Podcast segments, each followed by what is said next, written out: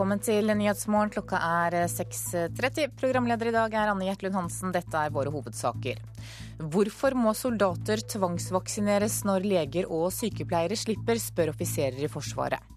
Det vi eh, stiller spørsmålstegn ved, det er altså med hvilket grunnlag Forsvaret kan eh, gjøre dette her eh, som den eneste yrkesgruppen i, i samfunnet vårt. Sier Eigil Jespersen i Norges offisersforbund. Senterpartiet legger ballen død og sier at det ikke er aktuelt å reforhandle Norges EØS-medlemskap de neste fire årene. Og Peter Bukisevic er blitt stilt i gapestokken av Antidoping Norge. Det mener idrettsjurist Gunnar Martin Kjenner.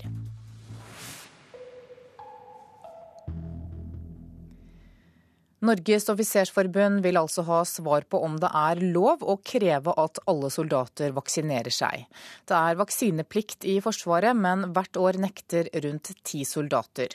Forbundet skjønner ikke hvorfor soldater må vaksineres når leger og sykepleiere slipper. Fra de ferskeste i førstegangstjenesten til erfarne krigere. De som vil ha en militær jobb i Forsvaret, må vaksineres. For dem som sier nei, venter hjemsendelse eller kontorjobb. Jeg fikk da valget mellom enten å ta den eller å eh, bli sendt hjem igjen. Forteller Knut Øvrebø. Som alle andre vaksinerte han seg da han begynte i Forsvaret. Men da han fikk beskjed om å ta svineinfluensavaksine på FN-oppdrag i Tsjad, stritta han imot. Det var en veldig vanskelig sak for meg, for jeg trivdes veldig godt der nede. Jeg hadde utrolig kjekke kolleger, jeg trivdes med oppdraget jeg hadde der nede. Men eh, Samtidig så var jeg ikke komfortabel i det hele tatt med å skulle ta den vaksinen. Uh, Ut ifra eh, det jeg hadde fått med meg da når jeg fulgte med på media osv. En uke etter at Øvrebø hadde sagt nei til vaksinen, var han hjemme igjen i Norge. Hvert år gjør rundt ti soldater som han, og nekter å vaksinere seg. Nå vil Norges offisersforbund vite om det er lov å kreve vaksine for militært personell, sier forhandlingsleder Eigil Jespersen. Først og fremst så, så, forstår jo eh, vi at eh, Forsvaret har et behov for å vaksinere sitt personell. Men det vi eh, stiller spørsmålstegn ved, det er altså med hvilket grunnlag Forsvaret kan gjøre dette her som den eneste yrkesgruppen i, i samfunnet vårt. Forbundet har bedt ombudsmannen for Forsvaret vurdere om vaksineplikten er i tråd med Europarådets konvensjon om menneskerettigheter og biomedisin, som sier at inngripen på helseområdet skal være frivillig. Det er jo det eh, smittevernloven legger opp til, at det skal være frivillighet eh, i forbindelse med vaksinasjon. Vaksinepliktene er hjemla i lov og forskrift. Overlege og major i Forsvarets sanitet, Reidar Sandnes, sier det er uaktuelt å innføre frivillig vaksinering i Forsvaret. Avdelingene skal kunne gjøre den tjenesten de blir pålagt. Og i Forsvaret så er det mye trangboddhet. Man har kanskje hard fysisk tjeneste. Det kan være utfordrende tjenester i felt som gjør at man er mer utsatt for å kunne få smitte. Og hvis en hel avdeling eh, blir smittet, så vil det få konsekvenser for den jobben man skal gjøre. Så Det er en operativ vurdering som, som Forsvaret gjør, som er hovedgrunnen til at vi vaksinerer. Den tidligere soldaten Knut Øvrebø er også utdanna sykepleier. Han syns det er merkelig at han slipper å vaksinere seg hvis han jobber på et sykehus, men må hvis han vil tilbake til Forsvaret. Jeg mener at uh, Forsvaret burde basere vaksineringa si på uh, frivillighet heller enn tvang. Og Ombudsmannen for Forsvaret kommer til å vurdere saken senere i år. Reporter her, det var Kristine Svendsen. Det er uaktuelt å reforhandle Norges EØS-medlemskap de neste fire årene. Det sier nestleder i Senterpartiet Trygve Slagsvold Vedum. Det har vært usikkerhet om hvorvidt Senterpartiet ville reforhandle Norge sitt EØS-medlemskap. EØS-avtalen er et viktig grunnlag for det rød-grønne samarbeidet, sier Vedum. Ja, det som vi kan fastslå er at det ikke er noe nytt i den politiske situasjonen nå enn det var i 2004. Og Da lå EØS-avtalen Nato-medlemskapet og nei til norsk EU-medlemskap eh, som plattform for den rød-grønne regjeringas utenrikspolitikk, og den kommer til å ligge der fortsatt. Så det betyr kort og godt at EØS-avtalen den ligger fortsatt fast, selv om det er skapt litt uklarhet om hva dere egentlig mener de siste ukene? Altså, vi er, At vi er motstandere av EØS-avtalen, det vet alle. Men vi vet også at uh, vi da spørsmålet om en reforhandling eller oppsigelse bort eh, for å kunne gå i regjeringssamarbeid sammen med Arbeiderpartiet. og Det kommer til å være samme utgangspunktet nå som det var i 2004 og 2009. Etter de siste dagenes uklarhet så ga statsministeren i går klar beskjed om hva som skal være regjeringens holdning til EØS, som vi skal høre her. EØS-avtalen er grunnlaget for eh, denne regjeringen, og det kan det ikke være noe usikkerhet eh, rundt. og Derfor er det heller ikke aktuelt med noe reforhandling, eh, fordi det kan skape usikkerhet om denne avtalen som er viktig for Norge, og som har vært grunnlaget for regjeringen hele tiden. Ja, Det er jo ingen tvil om hva sjefen din mener, Slagsvold Vedum. Hvilket inntrykk har dette gjort på dere? Nei, men Her har vi jo visst hele veien. Så Det er jo ikke noe, det er ikke noe nytt i den politiske situasjonen. altså Verken Arbeiderpartiet eller Senterpartiet har jo EØS-avtalen som sitt primære standpunkt. Altså Arbeiderpartiet har jo EU-medlemskap. Vi har eh, oppsigelse av EØS-avtalen. Men så er jo kompromisset eh, at vi styrer på EØS-avtalen sammen. Eh, og Det er jo det kompromisset som de ulike politiske konsultasjonene i Norge har kommet fram til. og Det kommer til å være det som også gjelder nå med valget i 2013. Og du får høre mer av Trygve Slagsvold Vedum i Politisk kvarter klokka kvart på åtte. Reporter her var Per Arne Bjerke. Østfold Fremskrittsparti vil ha debatt om EØS og Schengen-avtalen på partiets landsmøte i mai. Det sier stortingsrepresentant Ulf Leirstein til Aftenposten. På årsmøtet i helgen vedtok fylkespartiet å be stortingsgruppa og programkomiteen om å revurdere Norges forhold til nettopp Schengen-avtalen og EØS. Ordførerne i Sarpsborg og Halden mener Transportøkonomisk institutt tar feil i at det ikke er lønnsomt med utbygging av jernbanen lenger sør enn til Fredrikstad. De mener sammenhengende dobbeltspor fra Oslo til Gøteborg vil gi både økonomisk og miljømessig gevinst. Og det må til dersom godstrafikken skal over på jernbane, det sier Høyre-ordfører Tor Edquist i Halden.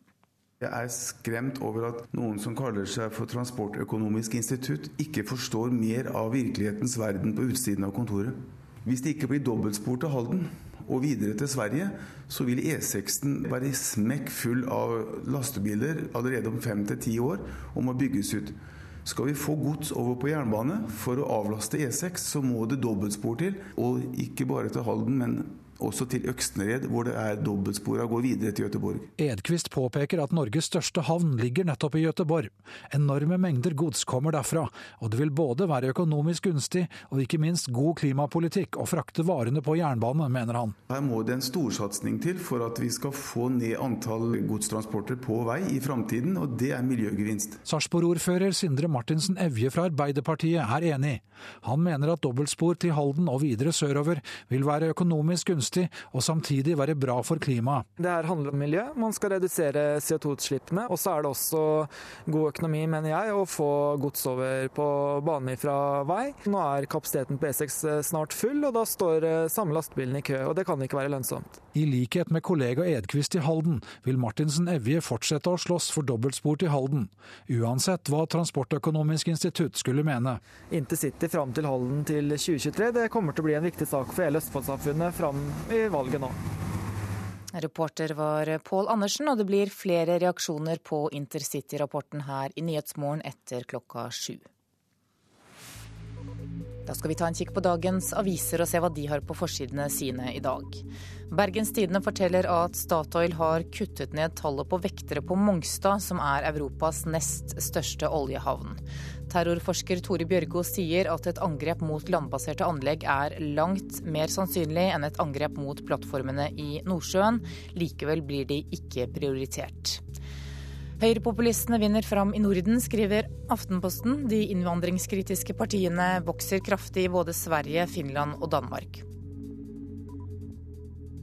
Uten katastrofer går givergleden ned, det forteller Vårt Land. Vi ga 218 millioner kroner mindre til hjelpeorganisasjoner i 2011 enn året før, og eksperter forklarer nedgangen med at det var færre naturkatastrofer.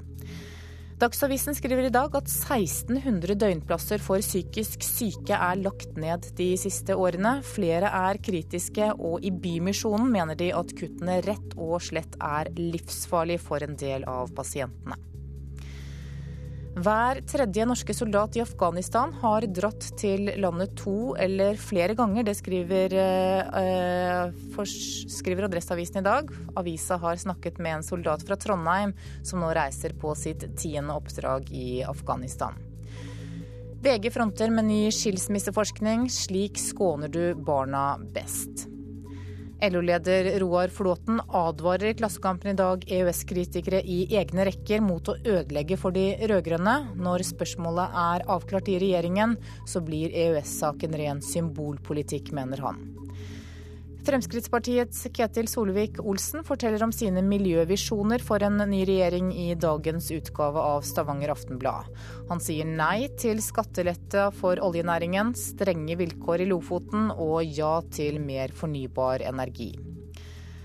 Pangstart for aksjeåret er oppslaget i Dagens Næringsliv. Oslo Børs har steget med 5% siden årsskiftet, til den høyeste noteringen på fire år. Nasjonen skriver at eggebønder taper 100 000 kroner i året når Nortura kutter i eggprisen om to uker. Årsaken til priskuttet er store mengder egg på lagra og økende overproduksjon. Senk ditt farlige blodsukker, det er Dagbladets oppfordring i dag. Ifølge avisa så kan dette farlige blodsukkeret nemlig gi økt fare for både diabetes og hjertesykdommer.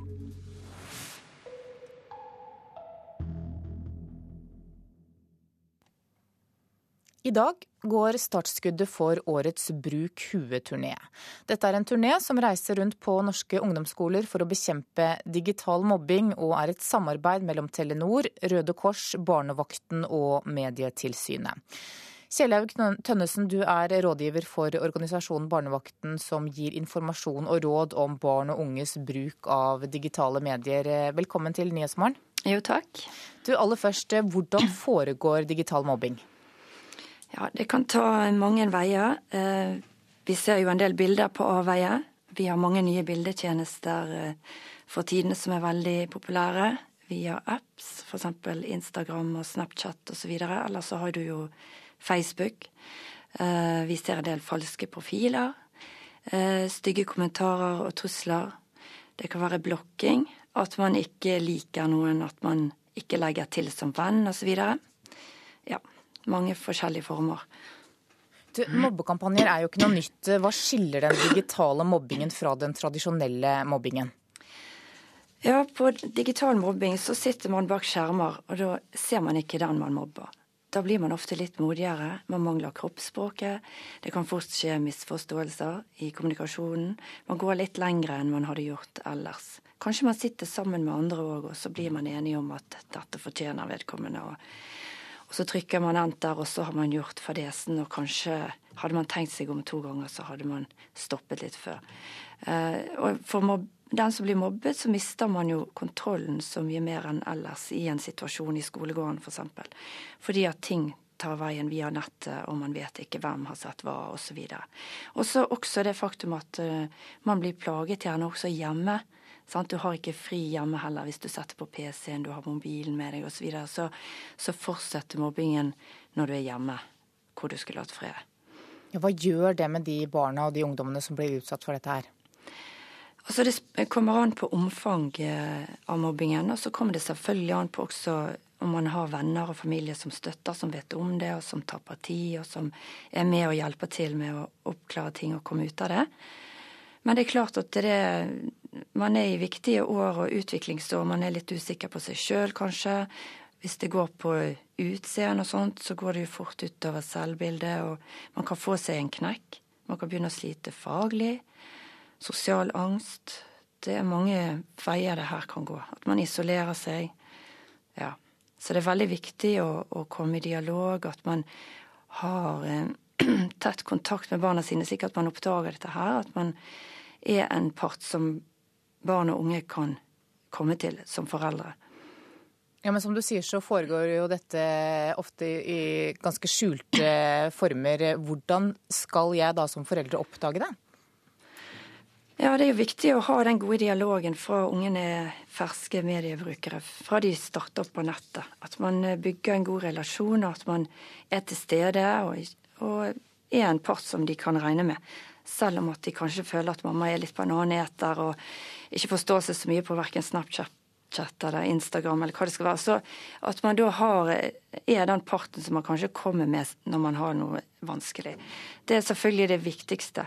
Men ellers så er det jo signaler. Hvis man da ikke har barn som kommer og forteller ting åpenlyst, så er det jo signaler som vi ofte får, at de ikke vil være så mye på PC, at de er lei seg eller irritable, vondt i magen, vil ikke på skolen, skulker, dårligere karakterer osv. Så, videre. Så det kan være småsignaler som man kan være obs på. Og vi ser jo òg at lærere gjerne kan fange opp slike ting i skolemiljøet. For det er ofte der i miljøet på skolen ting foregår. Eh, selv om det er på fritid man sitter på nettet mest, så, så merker kanskje læreren uro i miljøet, at det er noe som er på gjerdet osv. Så, og, så en del mobbesaker blir gjerne fanget opp av lærerne først. Og I dag starter altså en turné som reiser rundt på norske ungdomsskoler for å bekjempe slik mobbing. Lykke til, Kjellaug Tønnesen, som er rådgiver for organisasjonen Barnevakten. Du hører på Nyhetsmorgen i NRK P2 og Alltid nyheter. Klokka er 6.46. Dette er hovedsaker i nyhetene i dag. Norges offisersforbund vil ha svar på om det er lov å kreve at alle soldater skal vaksinere seg. Senterpartiet legger ballen død og sier at det ikke er aktuelt å reforhandle Norges EØS-medlemskap de neste fire årene.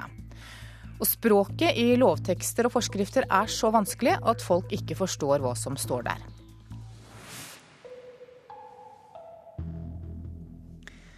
Da skal vi ha sport i Nyhetsmorgen. Petar Vukisevic er blitt i, stilt i gapestokken av Antidoping Norge. Det sier idrettsjurist Gunnar Martin Kjenner.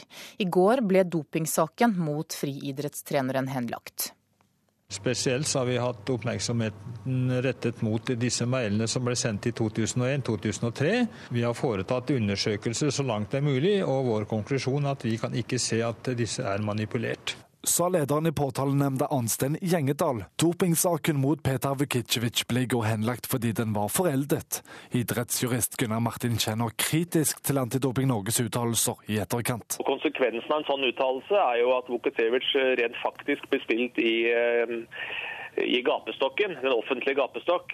Vukicevic ble beskyldt for å sende e-poster med spørsmål om forbudte stoffer, men hevdet selv at disse var manipulert.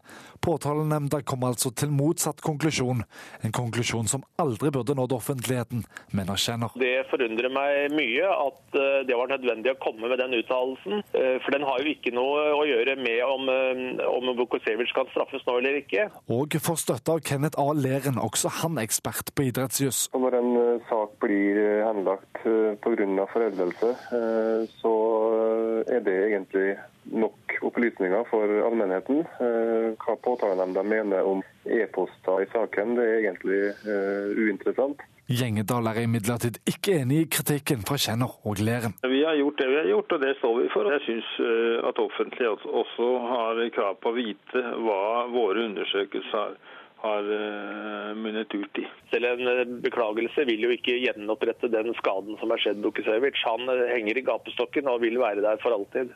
Ja, I går så konkluderte altså Friidrettsforbundet med at Vukisevic ikke blir reengasjert som trener, det til tross for henleggelsen. Og reporter her, det var Oddbjørn Vistnes. Det er mangel på fagfolk i kommunehelsetjenesten i Trondheim. Ett år etter at Samhandlingsreformen trådte i kraft, så er det ingen tvil. Hovedutfordringen blir å skaffe bemanning med god nok medisinsk kompetanse. Til og med i en så stor by som Trondheim strever de med å få tak i folk. Det sier kommunaldirektør for helse og velferd, Helge Garåsen.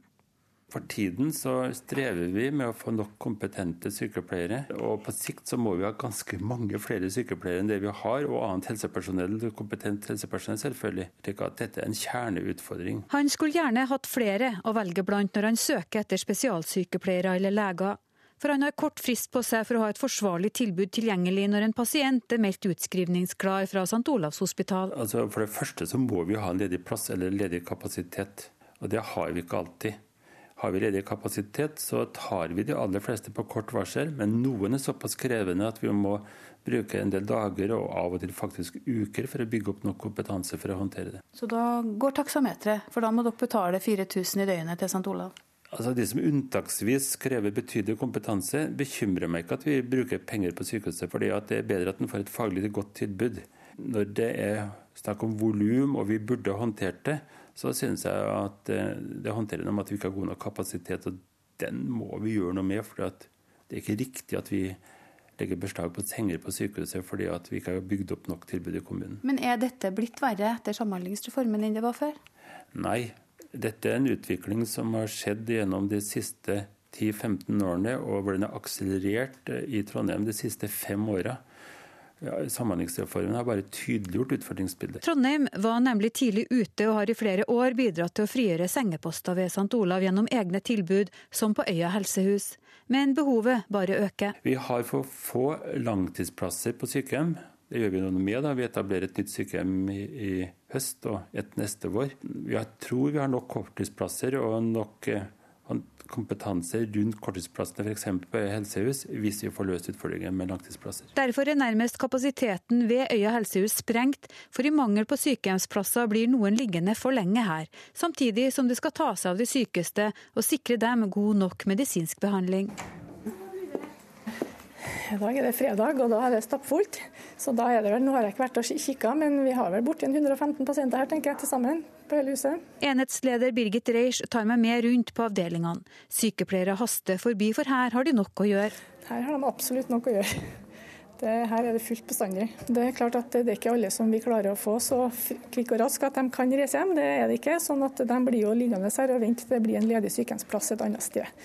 Og Det kan jo ta i verste fall flere måneder. Og Det var vel ikke eh, intensjonen med Øya helsehus? Nei, i utgangspunktet så var det ikke det. Selv om måte, vi var klar over at vi kom til å ha noen sånne pasienter liggende, men kanskje ikke fullt så mange. da. Men den største utfordringen fremover blir å skaffe god nok bemanning. Det kreves veldig mye kompetanse til å håndtere de pasientene som som kommer hit. De er, de er kjempesyke, og det, det, er veldig mye som skal følges opp på den medisinske sida. Det oppstår mer komplikasjoner, og det er en del ting som skjer som gjør til at eh, de, vi ikke kan sende dem hjem. Så vi tar over en del av behandlinga og oppfølginga av de her sykeste pasientene som blir liggende her. Selv om den byr på utfordringer, er ikke Birgit Reisch i tvil om at intensjonene i Samhandlingsreformen er gode for pasienten. Jeg er jo enig i det, at det er veldig mye av det som ligger i denne reformen er fornuftig. At på en måte pasientene får det tilbudet de skal ha nærmest mulig der de bor. Men så er det noen utfordringer, og det er ikke minst på kompetansesida. Det er veldig mange sykepleieroppgaver som på en måte er flytta på. Og Det trenger man jo tid til å bygge opp. Reporter var Grete Tobro. Folk skjønner ikke hva som står i norske lovtekster og forskrifter, det viser en undersøkelse. Og nå vil Direktoratet for IKT og forvaltning bytte ut en del av de lange tekstene og uforståelige begrepene. Om hva for noe? Om... Omskiping av servitutter. Vet du hva det betyr? Nei. Hvis du skulle gjette? Nei, det vil jeg ikke prøve på. Du vil ikke prøve engang? Nei. Hvis jeg sier omskiping av servitutter hva sier du da? Omskrivning av noe. Ja? ja? Nei, hva skal jeg si? Aner ikke. Det er ikke peiling på det. Det var jo omskiping. Hvis du har rett til å gå over naboens eiendom for å komme fra døra di og ut på veien, så er det en servitutt. Det var servitutt. Men omskiping og avskiping Omlegge. Omlegge og, og fjerne. Og fjerne ja. mm. Anders Leisner, juridisk rådgiver hos Huseiernes Landsforbund, skjønner det meste i Norges lover. Det gjør ikke folk flest. En ny undersøkelse viser at lover og forskrifter har for vanskelig språk. For Leisner er det en daglig utfordring. Jusspråket er jo litt sånn høytidelig og, og fullt av, av snirkler og, og, litt sånn språklige blomster som ikke nødvendigvis vanlige folk bruker. Og det er stort, eh, stort potensial for å gjøre det enklere, helt klart. Og det ser man jo når man eh, sitter og, og både skriver selv og leser hva andre jurister skriver. I den nye undersøkelsen er folk spurt om de skjønner norske lovtekster. Av de 1000 som er spurt, svarer 38% at de synes tekstene er for vanskelige. Undersøkelsen er gjort på bestilling fra Direktoratet for forvaltning og IKT. Direktoratets direktør, Hans Christian Holte, synes noe må gjøres. Vi ser at eh, mange kunne mm, hatt en bedre forståelse av hva lover og forskrifter egentlig betyr. Det er, jo, eh, det er jo en grunnleggende side ved demokratiet at folk skal kjenne sine rettigheter. Eh, så det vil jeg si er det helt essensielle her. Alle som jobber med å lage nye lover og forskrifter, må prøve å bruke et så klart språk som mulig. I tillegg skal noen av de lovene vi allerede har, få en språklig oppussing. Holte forklarer det slik. Ja, Vi ser for det første at uh, dette dreier seg om en sånn gjennomgående forståelse av uh, klart språk i lovverket. Og Da er det å se på utredningsinstruksen, hvordan den også tar inn elementer som dreier seg om klart språk i, i regelverksutvikling. Reporter her var Ina Strøm. Valdres folkemuseum dropper en utstilling om folkemusikk og nazisme. Etter press fra folkemusikkmiljøet lager de i stedet en utstilling om folkemusikk og nasjonalisme. Valdres folkemuseum har fått 300 000 kroner i støtte fra bl.a. Fritt Ord og Kulturrådet for å lage utstillingen Nazisme og folkemusikk. Museet skulle sette søkelys på folkemusikken og tysk propaganda. Men det liker ikke folkemusikkmiljøet og den kjente folkemusikeren Knut Buen. Det er ikke noen sammenheng mellom det. Folkemusikken den, den er jo mye eldre, den med nazismen. Flere folkemusikere, bl.a. fra Valdres, ble både ufrivillig og frivillig brukt av nazistene under andre verdenskrig. Bl.a. spelemann Ola Brenno fra Sør-Aurdal, som i 1941 spilte for SS-sjefen og storenazisten Heinrich Himmler på Norsk Folkemuseum. Nå har Valdres Folkemuseum snudd. Utstillingen skal i stedet hete Folkemusikk og nasjonalisme, og andre verdenskrig er blitt en mindre del av utstillingen. I stedet skal det bl.a. handle om den nasjonale selvfølelsen som oppsto under Lillehammer-OL, ifølge seksjonsleder ved Valdres Folkemuseum, Ole Åstad Bråten. Både fordi vi fikk eh, tilbakemelding som gjorde at vi yngste å endre kurs, men også fordi vi yngste å få et litt annet perspektiv på nasjonalistisk tenkning omkring folkemusikken. Og Da var det naturlig å vende tidspillet enda lenger bakover, og også enda lenger framover. Slik at dette her ikke bare skulle handle om andre verdenskrig, men nasjonalismens historie. Men Knut Buen er på langt nær fornøyd med endringen. Det, det er egentlig enda mer fokusering på sammenstillingen av disse tinga. Så jeg syns ikke det gjør saken noe særlig bedre, kanskje enda verre. Så du vil rett og slett ikke ha fokus på folkemusikk og nasjonalisme?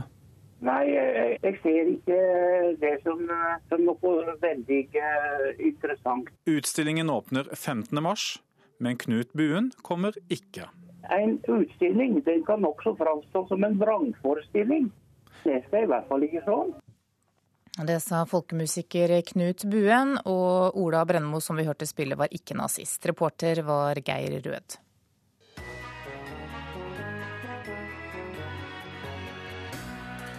Det er journaliststreik, protester i gatene og kritiske oppslag om myndighetene på avisforsidene i Kina. Den nye politiske ledelsen har bare sittet to måneder i sjefsstolene og møter allerede store utfordringer. Kan protestene bety at folket har begynt å vende seg mot de kinesiske partitoppene? Eller er det mer åpenhet for kritikk i Kina nå? Hør Radioselskapet i P2 klokka 11. Nå skal vi se på et værvarsel som gjelder til midnatt. Langfjella kan vente seg sørøstlig til dels stiv kuling utsatte steder i dag. I ettermiddag dreining til sørvestlig liten kuling. Snø, senere enkelte snøbyger. Fjell i Sør-Norge unntatt Langfjella sørlig liten kuling utsatte steder. I ettermiddag minkende til bris. Litt snø og senere opphold. Østlandet og Telemark sørlig liten kuling på kysten. Litt snø nær kysten. Regn, etter hvert oppholdsvær og disig. Agder sørlig liten kuling utsatte steder. Regn, snø i høyere strøk. I ettermiddag vestlig liten kuling på kysten. I kveld dreiende sørlig. Det er også ventet forbigående opphold og disig vær. Vestlandet sør for Stad sørøstlig opp til liten kuling. Regn og snø i høyden. I kveld sørlig stiv kuling på kysten. Regnbyger, senere regn og snø i høyden. Møre og Romsdal sørøstlig frisk bris og opphold. I Trøndelag er det ventet sørøstlig liten kuling, opphold etter hvert pent i nord. Sør-Helgeland sørøstlig liten kuling utsatte steder, etter hvert pent vær. Nord-Helgeland, Saltfjellet og Salten sludd og regn på kysten, ellers litt snø, i kveld opphold. Ofoten, Lofoten og Vesterålen i kveld periodevis vestlig frisk bris, enkelte snøbyger på kysten, ellers opphold. Troms oppholdsvær, i kveld snøbyger i ytre strøk. Finnmark kan vente seg østlig liten kuling i Vest-Finnmark først på dagen, ellers sørøstlig frisk bris. Litt snø av og til i ytre strøk. Og på Nordensjøland på Spitsbergen er det ventet østlig frisk bris utsatte steder i dag og oppholdsvær.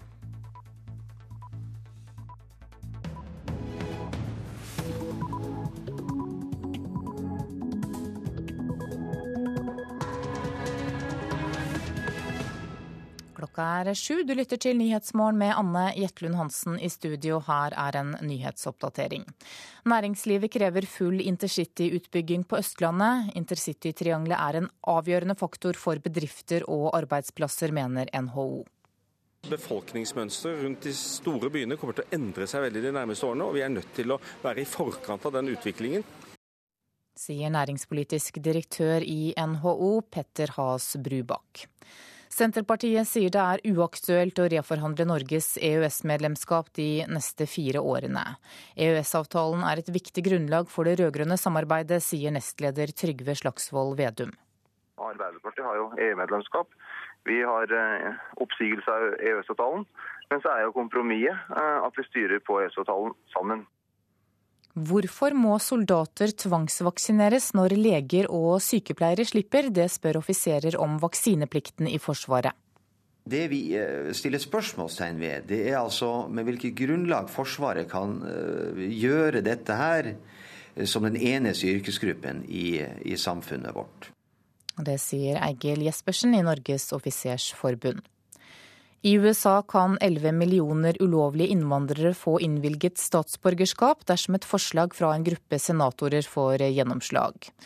Og innvandring av mennesker fra hele verden stiller nye krav til den akuttmedisinske nødtelefonen 113. En ny tolketjeneste redder liv. Blir så maktesløse i situasjoner som du ikke klarer å få hjulpet den som er i andre enden, og som, som er alvorlig syk. Det sier medisinsk operatør Bergljot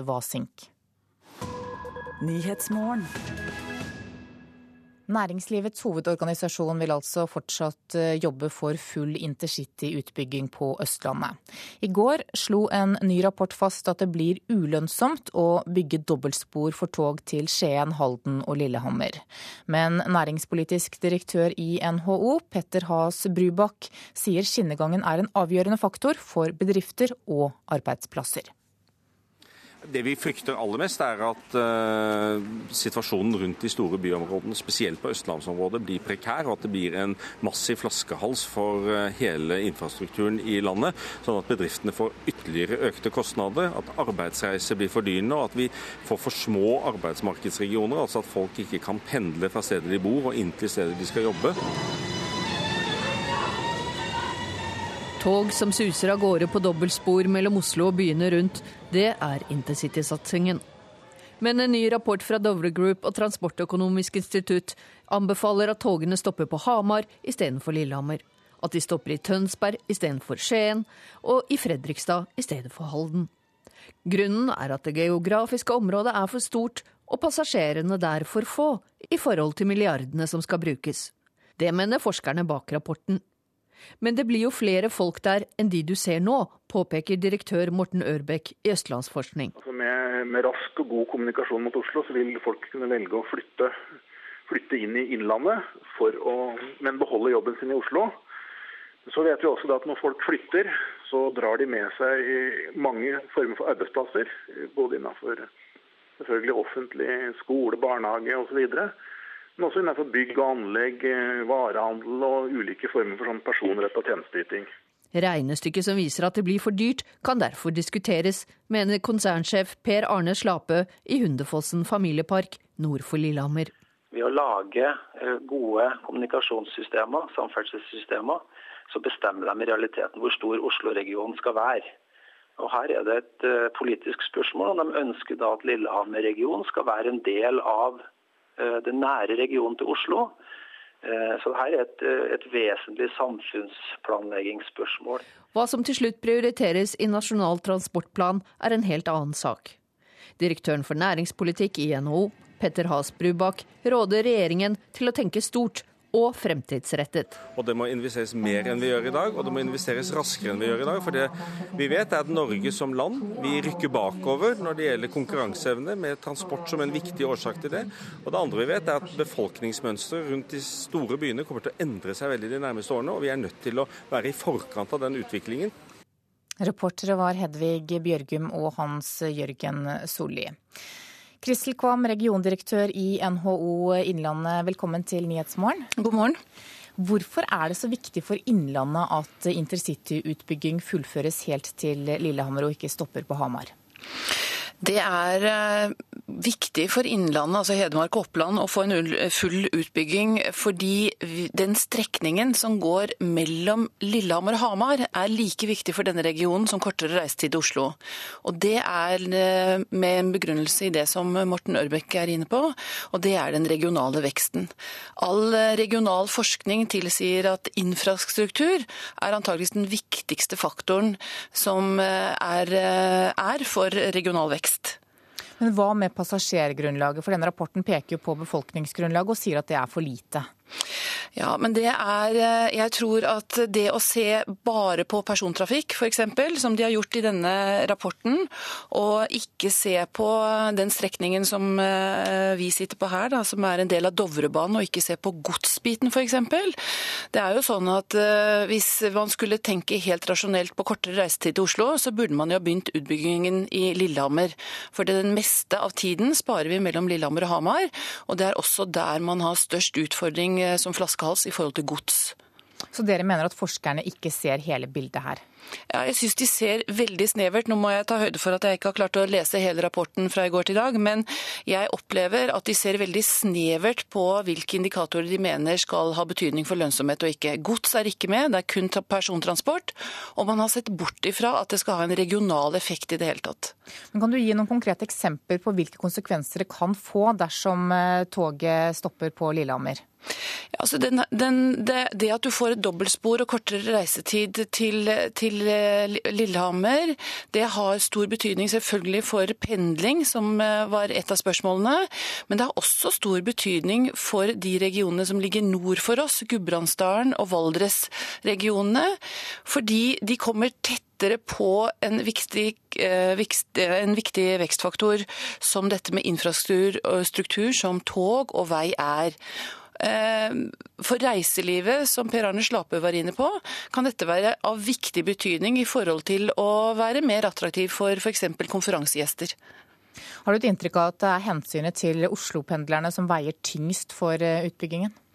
Det kan virke sånn i og med at de legger så stor vekt på dette med trafikkgrunnlag, og de velger å stoppe på Hamar. Og jeg pleier å si det sånn at vi skal passe oss for den utviklingen, for da kan det hende at vi får lekkasje og ikke vekst. Altså Det blir lettere å pendle ut, og den arbeidskraften vi faktisk trenger for å vokse i denne regionen uten kyst, det, er, eh, det, det kan da eh, ende opp med at de istedenfor å jobbe i regionen, skape arbeidsplasser, så pendler de inn til Oslo istedenfor. Det er derfor strekningen mellom Lillehammer og Hamar er så sentral. Takk for at du var med i Nyhetsmorgen, Kristel Kvam, regiondirektør i NHO. Det er uaktuelt å reforhandle Norges EØS-medlemskap de neste fire årene. Det sier nestleder i Senterpartiet, Trygve Slagsvold Vedum. Det har vært usikkerhet om hvorvidt Senterpartiet ville reforhandle Norges EØS-medlemskap. EØS-avtalen er et viktig grunnlag for det rød-grønne samarbeidet. Det som vi kan fastslå er at det ikke er noe nytt i den politiske situasjonen nå enn det var i 2004. Og Da lå EØS-avtalen Nato-medlemskapet og nei til norsk EU-medlemskap eh, som plattform for den rød-grønne regjeringas utenrikspolitikk, og den kommer til å ligge der fortsatt. Så det betyr kort og godt at EØS-avtalen den ligger fortsatt fast, selv om det er skapt litt uklarhet om hva dere egentlig mener de siste ukene? Altså, vi er, At vi er motstandere av EØS-avtalen, det vet alle. Men vi vet også at uh, vi da spørsmålet om en reforhandling eller oppsigelse bort uh, for å kunne gå i regjeringssamarbeid sammen med Arbeiderpartiet. Intervjuer her var Per Arne Bjerke, og du får mer fra Slagsvold Vedum i Politisk kvarter klokka 7.45. Norges offisersforbund vil ha svar på om det er lov å kreve at alle soldater vaksinerer seg. Det er vaksineplikt i Forsvaret, men hvert år nekter flere soldater å vaksinere seg.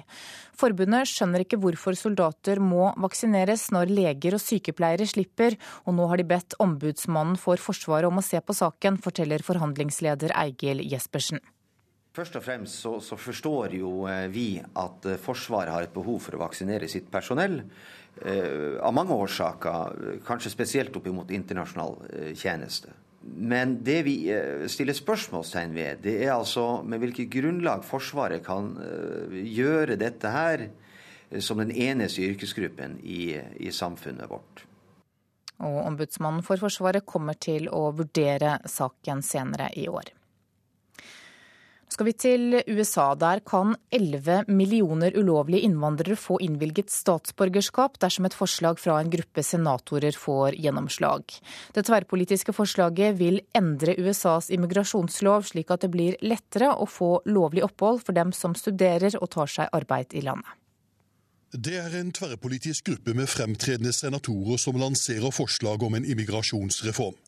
De åtte demokratiske og republikanske senatorene vil bl.a. hjelpe 11 millioner ulovlige innvandrere til amerikansk statsborgerskap. Dette er det mest kontroversielle punktet i reformforslaget. Tidligere har Kongressen ikke klart å bli enige om hva de skal gjøre med de mange millioner ulovlige innvandrerne som jobber for å holde USA i gang. Den demokratiske senatoren Chuck Schumer erkjenner at tidligere fellesforslag har strandet, men mener dette forslaget har større sjanse for å oppnå flertall, fordi politikken på dette området ifølge ham er snudd på hodet. For første gang er det større politisk risiko å gå imot en reform enn å støtte en reform, mener Obamas partifelle. The politics on this issue have been turned. For the first time ever, there's more political risk in opposing immigration reform than in supporting it. Senator John McCain er den mest fremtredende gruppen av forslagsstillerne. Han karakteriserer dagens situasjon som uakseptabel, og mener USA gjennom stilltiende aksepterer den ulovlige arbeidsinnvandringen de facto allerede har innvilget et amnesti.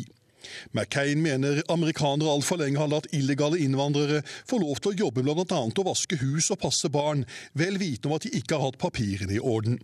Det må vi nå endre for godt, mener den erfarne senatoren. What's going on now is unacceptable. In reality, what's been created is a de facto amnesty.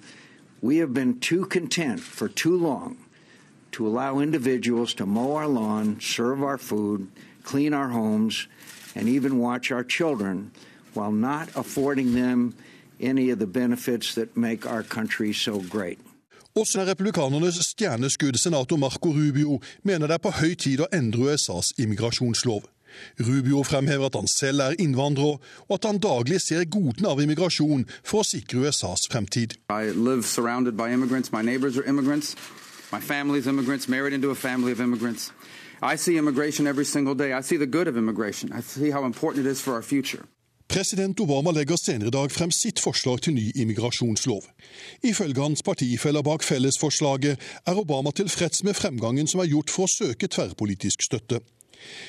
Fellesforslaget som ble lansert i går, vil først og fremst altså tilrettelegge for at 11 millioner ulovlige immigranter sikres statsborgerskap. Senatoren vil også endre systemet for lovlig innvandring ved å premiere innvandrere med utdanning innen matte og teknologi fra amerikanske universiteter med opphold, såkalt green card. I tillegg skal arbeidsgivere lettere få ansette innvandrere dersom de ikke klarer å rekruttere en amerikansk statsborger. Gruppen tar sikte på å legge frem sine forslag for Senatet i mars, og håper en ny immigrasjonslov vil være klar før sommerferien. Jon Gelius, Washington. Og I dag så skal Senatet i Washington etter planen stemme over John Kerrys kandidatur som USAs neste utenriksminister. Det er ventet at kollegaene hans vil godkjenne president Barack Obamas nominasjon, og dermed er det over og ut for Hillary Clinton i amerikansk politikk, eller er det det, Joar Hoel Larsen? Det er jo det store spørsmålet. Hun har vært uh, i, i, Washington som politiker nå i tolv år, som senator og utenriksminister. Hun, hun, er 65 år. Mange vil jo mene at da er det på tide å, å pensjonere seg. Eh, men den store spekulasjonen er jo om hun nå går av som utenriksminister for da å bli den neste demokratiske presidentkandidaten som stiller til valg i 2016. Hun har på ingen som helst måte bekreftet at hun gjør det. Men det er jo slik i amerikansk politikk at måten man benekter det på, måten man avkrefter sitt kandidatur på, er vel så talende. Det er mange som da mener at hun, hun holder døra på gløtt. Hun sa det sist nå i et intervju på 60 Minutes at, at hun, kunne ikke, hun kunne på en måte ikke si at det ikke var aktuelt, men det er jo på en måte da også bare et, et svar med at hun har ikke bestemt seg ennå. Hun har tidligere sagt at det ikke er aktuelt. Hun har snakket om at hun kanskje vil gå tilbake til advokatgjerningen som hun forlot for mange mange år siden, da hun ble First Lady i, i Det hvite hus i 1992. slik at eh, hun har jo kanskje flere muligheter. Men det er mange som faktisk ønsker at hun som 69-åring da om fire år skal bli USAs eh, neste president. Clinton har også vært eh, utenriksminister i fire år. Hva har kjennetegnet hennes periode som supermaktens ansikt utad? Hun fikk jo på mange måter oppdraget med, med å stå for dette change som, som eh, Obama snakket om. Og da Obama ble valgt for fire år siden, så var det veldig mange som stemte for Obama, men det var enda flere kanskje som stemte mot det George Bush hadde stått for. Slik at Hillary har reist verden rundt. Hun har besøkt 112 land i denne fireårsperioden og 'traveled a million miles', som det står i disse referatene. For på en måte å vise et annet ansikt, for, for ikke å være den krigshissende nasjonen som, som Don Rumsfeld, Dick Cheney og George Bush sto for, men eh, bidra med smart power, som, som, har vært hennes kjennetegn. Eh, både da være en militær stormakt og et slags verdenspoliti, men også bidra eh, med å sikre sikre medisiner, matvareforsyninger. Ikke minst har hun vært opptatt av kvinner og barn, eh, slik at hun har satt sitt preg på, på Utenriksdepartementet, men, men, har samtidig da altså eh, hatt denne oppgaven med å, å gjenoppbygge USAs omdømme etter eh, vanskelige år med terrorangrep mot World Trade Center og da invasjoner i Afghanistan og Irak, som kanskje ikke har vært like vellykket. Takk skal du ha, utenriksmedarbeider Joar Hoel Larsen. Klokka er 7.17. Du hører på Nyhetsmorgen i NRK P2. Dette er hovedsaker i dag. NHO vil ha full intercityutbygging på Østlandet så fort som mulig, til tross for rapporten som viser at det ikke er lønnsomt. Norges offisersforbund vil ha svar på om det er lov å kreve at alle soldater må vaksinere seg. Og folk skjønner ikke hva som står i norske lovtekster og forskrifter. Språket er for vanskelig.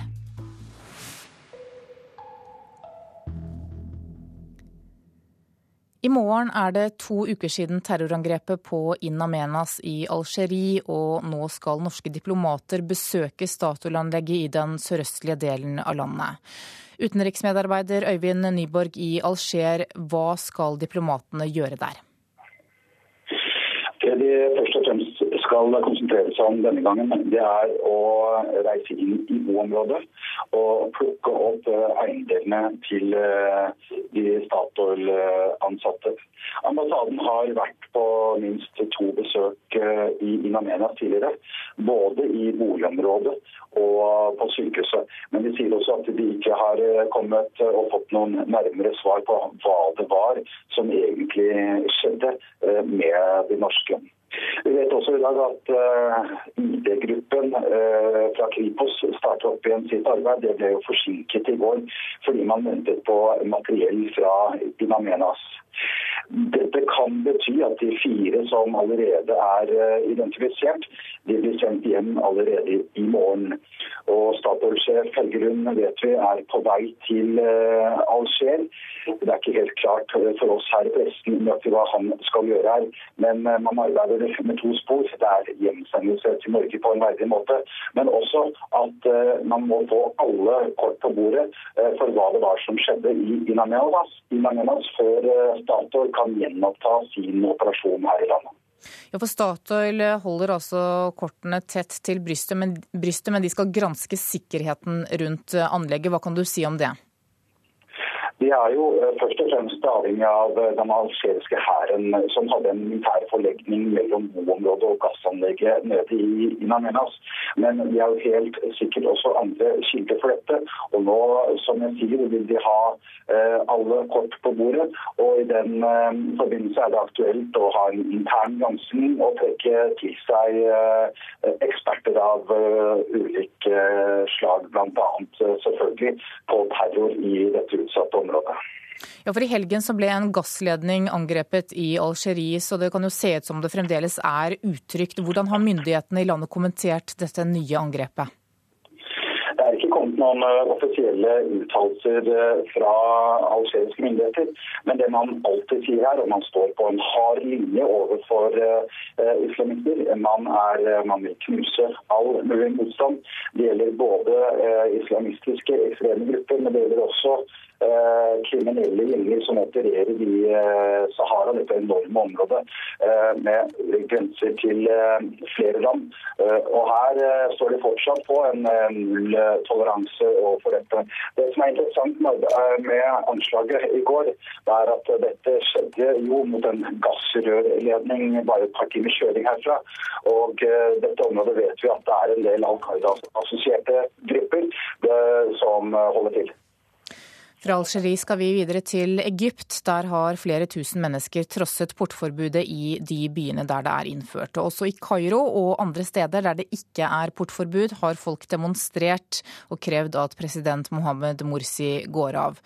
Og Midtøsten-korrespondent Sigurd Falkenberg Mikkelsen, Morsi er demokratisk valgt. Hvor sannsynlig er det at han kan komme til å trekke seg? Jeg tror ikke det er så veldig eh, sannsynlig. Eh, ikke bare er han eh, demokratisk valgt, som du sier, men han er også representanten for det muslimske brorskapet og deres forsøk på å ta makt i Egypt. Spørsmålet er vel heller om han er i stand til å finne en vei ut av uføre som ikke innebærer mer vold her i Egypt. Ja, Hva er alternativene når denne nasjonale dialogen som presidenten inviterer til, ikke kommer i gang? Det er ikke godt å si. Eh, det er eh, steile fronter eh, i Egypt.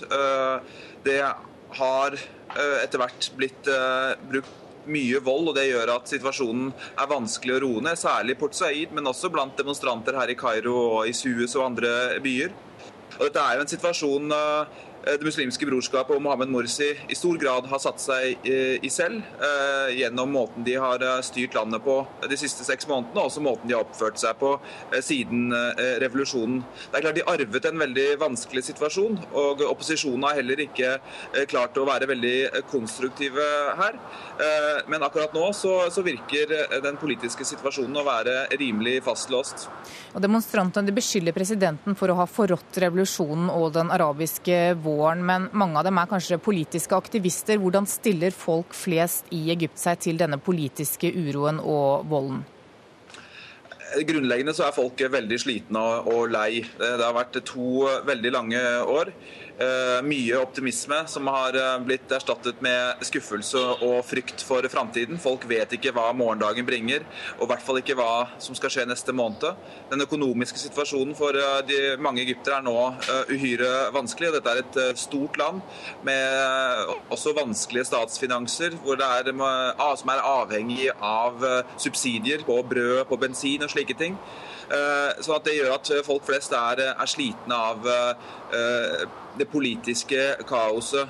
Spørsmålet som ligger i bunnen her, er vel hvordan dette kommer til å slå ut i et eh, eventuelt parlamentsvalg i april. Eh, det er ikke noe tvil om at islamistene og brorskapet er gode til å mobilisere, men det er også mange som er misfornøyd med måten de har håndtert situasjonen på. Takk skal du ha, Midtøsten-korrespondent Sigurd Falkenberg Mikkelsen i Egypt. Da skal vi ta en kikk på noen av dagens aviser og se hva de har på forsidene sine i dag. Bergens Tidende forteller at Statoil har kuttet ned tallet på vektere på Mongstad, som er Europas nest største oljehavn. Terrorforsker Tore Bjørgo sier at et angrep mot landbaserte anlegg er langt mer sannsynlig enn et angrep mot plattformene i Nordsjøen. Likevel så blir de ikke prioritert. Høyrepopulistene vinner frem i Norden, skriver Aftenposten. De innvandringskritiske partiene vokser kraftig i både Sverige, Finland og Danmark. Uten katastrofer så går givergleden ned, forteller Vårt Land. Vi ga 218 millioner kroner mindre til hjelpeorganisasjoner i 2011 enn året før, og eksperter forklarer nedgangen med at det var færre naturkatastrofer det året. VG fronter med ny skilsmisseforskning. To norske studier konkluderer med at skilsmissebarn har større risiko for depresjon og angst enn andre barn. Og avisa lokker med eksperters råd om hvordan man skåner barna ved samlivsbrudd. Dagsavisen skriver at 1600 døgnplasser for psykisk syke er lagt ned de siste årene. Flere er kritiske til dette, og i Bymisjonen mener de at kuttene rett og slett er livsfarlig for en del av pasientene.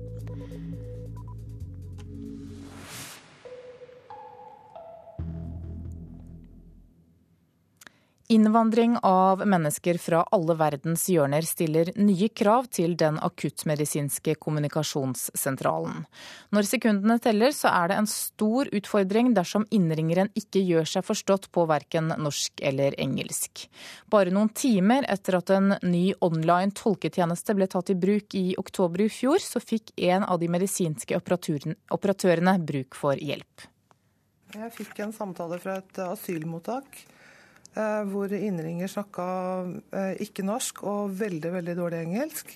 Og hadde problemer med å forklare både hvor de var og hva det gjaldt. Slike situasjoner er vanligvis et mareritt for de medisinske operatørene. Du blir så maktesløs i situasjoner som du ikke klarer å få hjulpet den som er i andre enden, og som som er alvorlig syk. Språkproblemer fører til at det er vanskelig å forstå både hvor folk er og hva som er galt.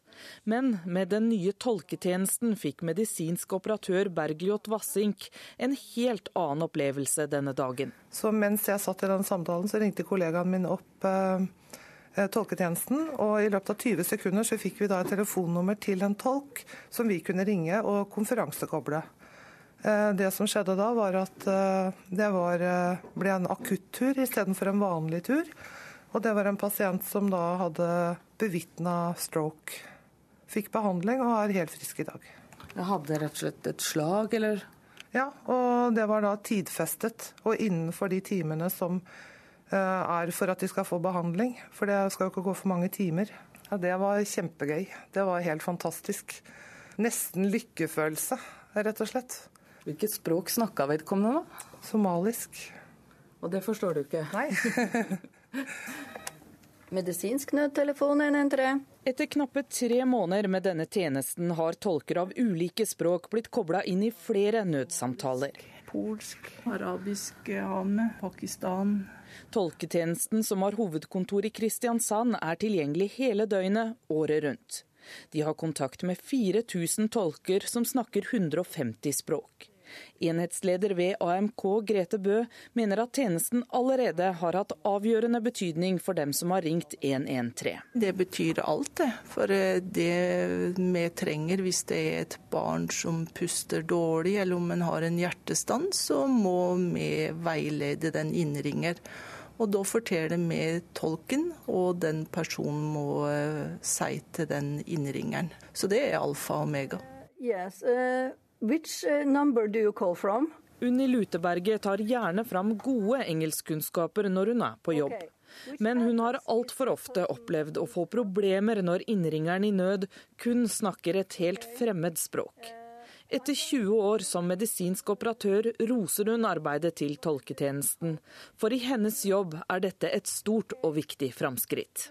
Eh, de oppfatter veldig raskt eh, hva dette dreier seg om, og de er veldig dyktige til å Eh, høre hva vi spør om. Spør da innringer om samme spørsmål, og vi får da svar tilbake igjen på, på, norsk og kan veldig lett avklare hvor alvorlig det er og hvor greit det blir å finne fram.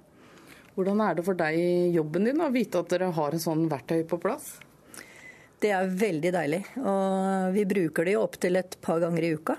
Så det, det, er utrolig godt å kunne bare trykke på den knappen og få tolketjenesten på eh, telefonen. Tror du det er en tjeneste som kan være med på å redde liv i framtida? Det er helt klart. helt definitivt at de kan være med på å redde liv. Og reporter her, det var Stine Hansen Bakkebø. Du hører på Nyhetsmorgen i NRK P2. Om et kvarter så får du Politisk kvarter, og da skal vi høre at Senterpartiet nå legger ballen død og sier at det ikke er aktuelt å reforhandle Norges EØS-medlemskap. Produsent for Nyhetsmorgen i dag heter Ulf Tannes Fjell, her i studio Anne Jetlund Hansen, og nå står Ida Creed klar med 7.30.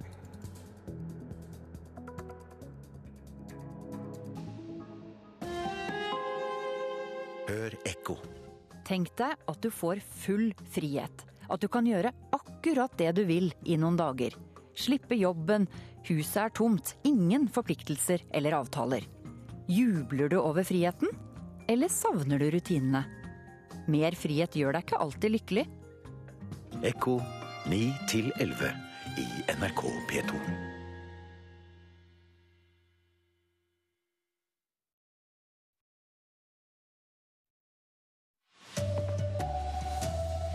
Næringslivet er helt avhengig av at det bygges dobbeltspor til hele Østlandet, selv om en ny rapport viser at prosjektet ikke lønner seg. Antidoping Norge har stilt Petar Vukisevic i gapestokken, mener jurist. Servitutter og omskifte. Folk skjønner ikke bæret av språket i lovene våre. God morgen, her er NRK Dagsnytt klokken er 7.30. Utbygging av toget på Østlandet er helt grunnleggende for å få folk til arbeidsplassene sine og få bedriftene til å vokse. Det mener næringspolitisk direktør i NHO, Petter Haas Brubakk. I går slo en ny rapport fast at det ikke lønner seg å bygge dobbeltspor for tog til Skien, Halden og Lillehammer. Det vi frykter aller mest, er at uh, situasjonen rundt de store byområdene, spesielt på østlandsområdet, blir prekær, og at det blir en massiv flaskehals for uh, hele infrastrukturen i landet. Sånn at bedriftene får ytterligere økte kostnader, at arbeidsreiser blir fordyrende, og at vi får for små arbeidsmarkedsregioner. Altså at folk ikke kan pendle fra stedet de bor og inn til stedet de skal jobbe. Tog som suser av gårde på dobbeltspor mellom Oslo og byene rundt, det er intercitysatsingen. Men en ny rapport fra Dovre Group og Transportøkonomisk institutt anbefaler at togene stopper på Hamar istedenfor Lillehammer. At de stopper i Tønsberg istedenfor Skien, og i Fredrikstad i stedet for Halden. Grunnen er at det geografiske området er for stort, og passasjerene der for få i forhold til milliardene som skal brukes. Det mener forskerne bak rapporten. Men det blir jo flere folk der enn de du ser nå. Ved å lage gode kommunikasjonssystemer, samferdselssystemer, så bestemmer de i realiteten hvor stor Oslo-regionen skal være. Regnestykket som viser at det blir for dyrt, kan derfor diskuteres, mener konsernsjef Per Arne Slape i Hundefossen familiepark nord for Lillehammer. Summen av det her er mange samfunnsmessige konsekvenser som jeg er veldig usikker på om de har regna på, når de har, eller regna ordentlig på, rett og slett, når de har da presentert sin rapport. Reportere Hedvig Bjørgum og Hans-Jørgen Solli. Petar Vukisevic er blitt stilt i gapestokken av Antidoping Norge. Det sier Gunnar Martin Kjenner. Friidrettsforbundet bestemte i går at de ikke vil fornye kontrakten med Vukisevic, selv om dopingsaken mot ham ble henlagt. Idrettsjurist Kjenner mener det var Antidoping Norges uttalelser i etterkant som felte Vukisevic. Spesielt har vi hatt oppmerksomheten rettet mot disse mailene som ble sendt i 2001-2003. Vi har foretatt undersøkelser så langt det er mulig, og vår konklusjon er at vi kan ikke se at disse er manipulert sa lederen i påtalenemnda Arnstein Gjengedal. Dopingsaken mot Peter Vukicevic ble i går henlagt fordi den var foreldet. Idrettsjurist Gunnar Martin Kjenner kritisk til Antidoping Norges uttalelser i etterkant. Konsekvensen av en sånn uttalelse er jo at Vukicevic rent faktisk blir stilt i i gapestokken, den offentlige gapestokk. Vukicevic ble beskyldt for å sende e-poster med spørsmål om forbudte stoffer, men hevdet selv at disse var manipulert. Påtalenemnda kom altså til motsatt konklusjon, en konklusjon som aldri burde nådd offentligheten, mener Kjenner. Det forundrer meg mye at det var nødvendig å komme med den uttalelsen, for den har jo ikke noe å gjøre med om, om Vukicevic kan straffes nå eller ikke. Gjengedal er imidlertid ikke enig i kritikken fra Kjenner. Vi har gjort det vi har gjort, og det står vi for. Jeg synes at offentlighet også har krav på å vite hva våre undersøkelser har, har uh, munnet ut i. Selv en eh, beklagelse vil jo ikke gjenopprette den skaden som er skjedd Bukisevic. Han henger i gapestokken og vil være der for alltid. Reporter Oddbjørn Vistnes. Det er ikke aktuelt å reforhandle Norges EØS-medlemskap de neste fire årene. Det sier nestleder i Senterpartiet, Trygve Slagsvold Vedum. Det har vært usikkert om Senterpartiet ville reforhandle Norges EØS-medlemskap. Avtalen er et viktig grunnlag for det rød-grønne samarbeidet, sier Slagsvold Vedum. Ja, det som vi kan fastslå er at det ikke er noe nytt i den politiske situasjonen nå enn det var i 2004. Og Da lå EØS-avtalen, Nato-medlemskapet og nei til norsk EU-medlemskap som plattform for den rød-grønne regjeringas utenrikspolitikk, og den kommer til å ligge der fortsatt. I går kveld sendte partileder Liv Signe Navarsete og de to nestlederne ut en felles pressemelding der de fastslår at partiet ikke vil kreve reforhandling av EØS-avtalen etter en eventuell rød-grønn valgseier. De siste dagene har flere i partiet uttalt seg slik at det er skapt inntrykk av at Senterpartiet ønsker å si opp eller endre avtalen med EØS. Før pressemeldingen fra partiledelsen kom statsminister Jens Stoltenberg med en krystallklar uttalelse om hva som er og skal være regjeringens holdning til EØS.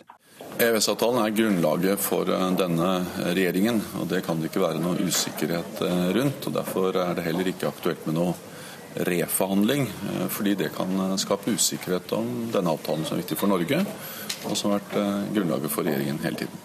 Alle vet at Senterpartiet er mot EU og EØS, sier Slagsvold Vedum, men partiet legger bort krav om reforhandling for å kunne fortsette å regjere sammen med Arbeiderpartiet. Ja, det kommer til å være samme utgangspunktet nå som det var i 2004 og 2009.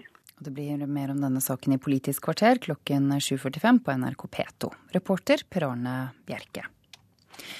Norges offisersforbund vil ha svar på om det er lov å kreve at alle soldater vaksinerer seg. Det er vaksineplikt i Forsvaret, men hvert år nekter rundt ti soldater. Forbundet skjønner ikke hvorfor soldater må vaksineres når leger og sykepleiere slipper, sier forhandlingsleder Eigil Jespersen. Når vi vet det at eh, helsepersonell eh, ved våre sykehuser eh, nasjonalt ikke har den plikten, da eh, har vi litt problemer med å fortelle vårt personell hvorfor de skal ha vaksine. Fra de ferskeste i førstegangstjenesten til erfarne krigere. Soldater må vaksineres. En kontorjobb eller hjemsendelse venter for dem som sier nei.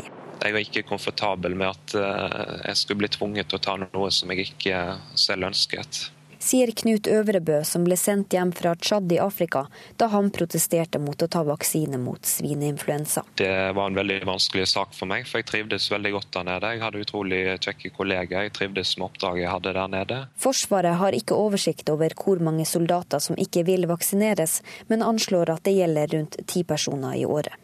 Nå har Norges offisersforbund bedt Ombudsmannen for Forsvaret vurdere om vaksineplikten er i tråd med en konvensjon som sier at inngripen på helseområdet skal være frivillig. Først og fremst så, så, forstår jo eh, vi at eh, Forsvaret har et behov for å vaksinere sitt personell. Men det vi eh, stiller spørsmålstegn ved, det er altså med hvilket grunnlag Forsvaret kan gjøre dette her som den eneste yrkesgruppen i, i, samfunnet vårt. Men overlege og major i Forsvarets sanitet, Reidar Sandnes, sier det er uaktuelt å gjøre vaksine frivillig for soldater. Hvis ikke personellet er vaksinert, eh, så kan eh, en avdeling ute bli syke, som gjør at de ikke kan klare å gjøre jobben. De kan ikke forsvare seg selv eller andre eventuelt i en kritisk situasjon.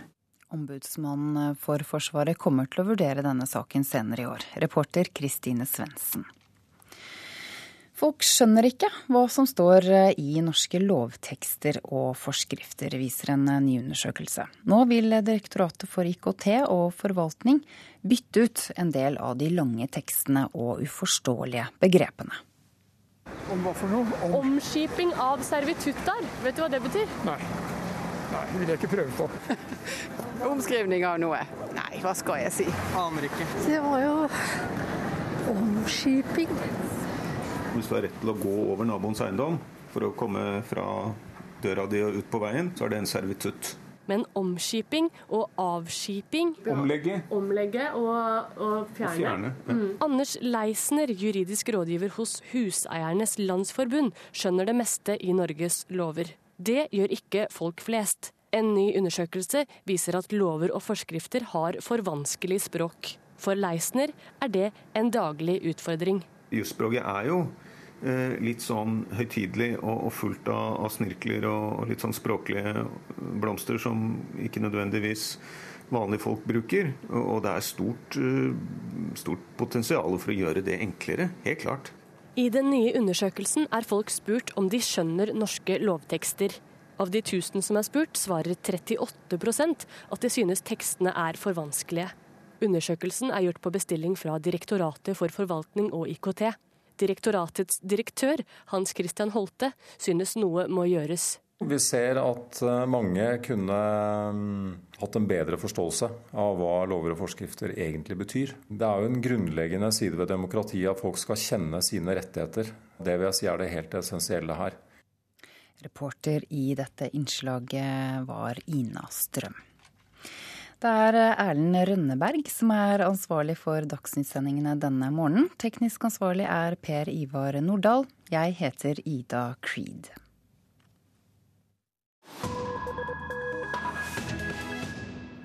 Klokka er 7.40 og Nyhetsmorgen fortsetter. Chile har i år blitt nominert til Oscar for aller første gang med filmen Stem nei. Den konkurrerer eh, da mot Kon-Tiki om prisen for beste fremmedspråklige film. Og filmen dreier seg om et spesielt kapittel i landets historie, nemlig om den natten da folk kvittet seg med diktaturet.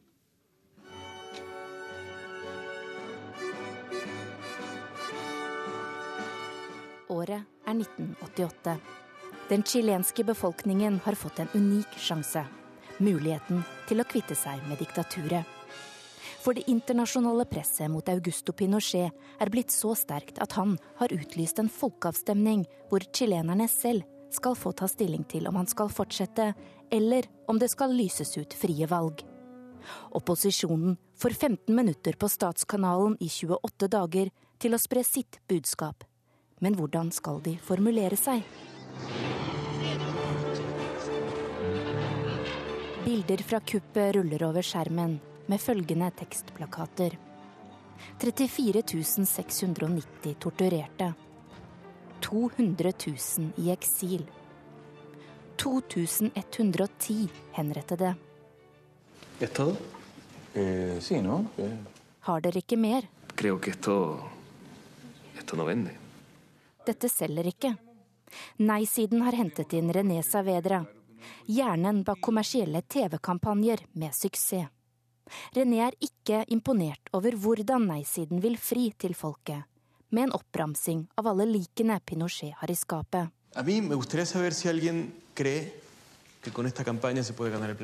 Hva vil dere egentlig oppnå, spør René. Opposisjonen forventer at valget vil rigges, så de ønsker et oppgjør. Men René vil noe helt annet. Han vil vinne.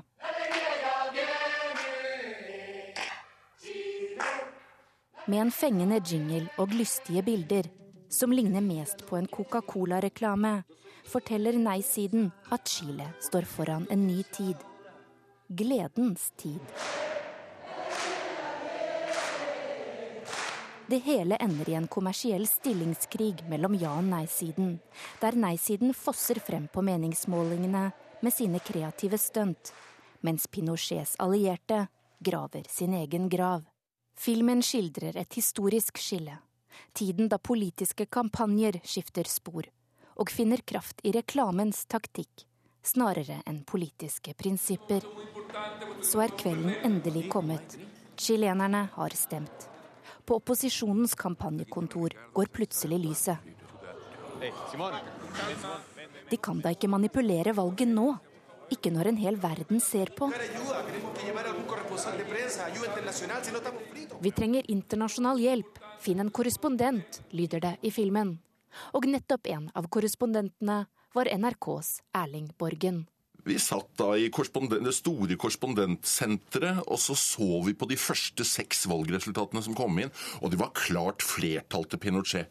Og så plutselig så sluttet hele valgsendingen, og så begynte de i timevis eh, å sende Donald Duck-filmer. Eh, og det var korrespondenter fra hele verden der, og ingen skjønte noe som helst, annet enn at nå trodde folk at Pinochet skulle gjøre et nytt kupp.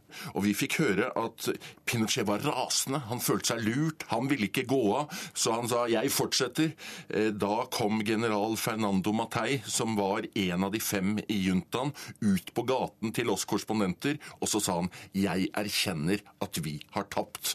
Slik at Pinochet hadde ingen sjanse, og da begynte jubelen, og jeg glemmer det aldri. Og filmen får premiere i Norge 8.2. Reporter her var Charlotte Bergløf. Du lytter til Nyhetsmorgen. Klokka er 7.44. Dette er hovedsakene våre. Næringslivet krever full intercityutbygging på Østlandet. Det vil lønne seg på sikt, mener NHO. Friidrettstrener Petar Vukisevic er blitt stilt i gapestokken av Antidoping Norge. Det sier idrettsjurist Gunnar Martin Kjenner, etter at saken mot Vukisevic nå er henlagt. Og nå skal de lange, uforståelige lovtekstene her i landet skrives om, slik at folk skal forstå hva som står der. Og Senterpartiet forsikrer at partiet ønsker å beholde EØS-avtalen de neste fire årene, og det er tema hos deg i Politisk kvarter, Per Arne Bjerke. Ja, statsministeren ga beskjed om hvor skapet skal stå. Senterpartiet vil ikke reforhandle EØS-avtalen.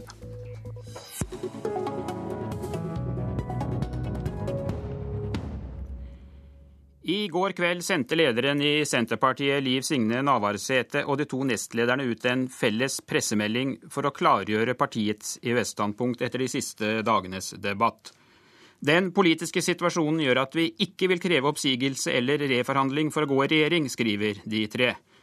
Og nestleder Trygve Slagsvold Vedum, kan vi nå fastslå at Senterpartiet likevel ønsker å beholde EØS-avtalen, og at det ikke er snakk om reforhandling de neste fire årene? Ja, det som vi kan fastslå er at det ikke er noe nytt i den politiske situasjonen nå enn det var i 2004. Og Da lå EØS-avtalen, Nato-medlemskapet og nei til norsk EU-medlemskap eh, som plattform for den rød-grønne regjeringas utenrikspolitikk, og den kommer til å ligge der fortsatt. Så det betyr kort og godt at EØS-avtalen den ligger fortsatt fast, selv om det er skapt litt uklarhet om hva dere egentlig mener de siste ukene? Altså, vi er, At vi er motstandere av EØS-avtalen, det vet alle. Men vi vet også at uh, vi da spørsmål om en reforhandling eh, eller oppsigelse bort eh, for å kunne gå i regjeringsarbeid sammen med Arbeiderpartiet. og Det kommer til å være samme utgangspunktet nå som det var i 2004 og 2009. Etter de siste dagenes uklarhet så ga statsministeren i går klar beskjed om hva som skal være regjeringens holdning til EØS, som vi skal høre her. EØS-avtalen er grunnlaget for eh, denne regjeringen, og det kan det ikke være noe usikkerhet eh, rundt. og Derfor er det heller ikke aktuelt med noe reforhandling, eh, fordi det kan skape usikkerhet om denne avtalen som er viktig for Norge, og som har vært grunnlaget for regjeringen hele tiden. Ja, Det er jo ingen tvil om hva sjefen din mener, Slagsvold Vedum. Hvilket inntrykk har dette gjort på dere? Nei, men Det Her har vi jo visst hele veien. Så Det er jo ikke noe, ikke noe nytt i den politiske situasjonen. altså Verken Arbeiderpartiet eller Senterpartiet har jo EØS-avtalen som sitt primære standpunkt. Også Arbeiderpartiet har jo EU-medlemskap. Vi har eh, oppsigelse av EØS-avtalen. Men så er jo kompromisset eh, at vi styrer på EØS-avtalen sammen. Eh, og Det er jo det kompromisset som de ulike politiske konsultasjonene i Norge har kommet fram til. Og det kommer til å være det som også gjelder nå med valget i 2013. Eh, så det er ikke noe nytt i det her, men det har vært mye uro de siste dagene. Jeg syns det har vært eh, unødvendig mye uro. Det her er eh, ganske opplagt hvordan det her kommer til å legges. Men er ikke dette en uro som dere selv har bidratt til å skape? Nei, for vi det er vårt primærstandpunkt. Det har det vært siden 1992. Uh, har vi vært EØS-motstandere. Det må vi selvfølgelig si. At, at, og være ærlige på det at vi er EØS-motstandere. Men så vet vi at når vi skal gå i regjering med andre partier, og det har Senterpartiet tradisjon for å gjøre, så man finne gode kompromisser. Og et kompromiss mellom Arbeiderpartiet og Senterpartiet i denne saken her har vært at Arbeiderpartiet har lagt bort hele diskusjonen om EU-medlemskap og vi eh, styrer på EØS-avtalen. Og Det gjorde vi i 2005, det gjorde vi i 2009, og vi kommer til å styre sammen med Arbeiderpartiet også i 2013 til 2017. Men har Senterpartiet nå mistet eh, det dere kanskje så som en god valgkampsak? Kamp mot EU og kamp mot EØS? Nei, men Kampen mot EU eh, e er like relevant, og det har skjedd en veldig forbedring i norsk EØS-debatt de siste åra. For nå tør vi å diskutere veto. Vi tør å diskutere hva som er norske interesser. Vi sier nei når vi mener at det er feil i forhold til norske interesser, f.eks. For i forhold til postdirektivet. Eh, vi har en regjering som eh, tør å stå opp for norske interesser f.eks. i landbrukspolitikken. Så gjelder da den tolldiskusjonen som jeg har ansvaret for. Så det har vært en helt annen holdning de siste åra, både i storting og regjering, i forhold til å tørre å diskutere EU, tørre å diskutere EØS. Og Det er det jo viktig at du har partier som er tydelige på at du skal gjøre. Og I tillegg har vi brukt handlingsrommet i EØS-avtalen veldig aktivt. Sikra hjemfallsretten, sikra gjeninnføring av den differensierte arbeidsgiveravgifta. Så, så, vi kommer til å være tydelige der. Eh, men vi vet at en grunnplanke for samarbeidet det er at EØS-avtalen skal ligge der også nå ved forhandling av ny plattform ja. i 2013. Så da kan vi bare kort og godt fastslå at Senterpartiet er et ja til EØS-parti, i hvert fall i fire år fremover?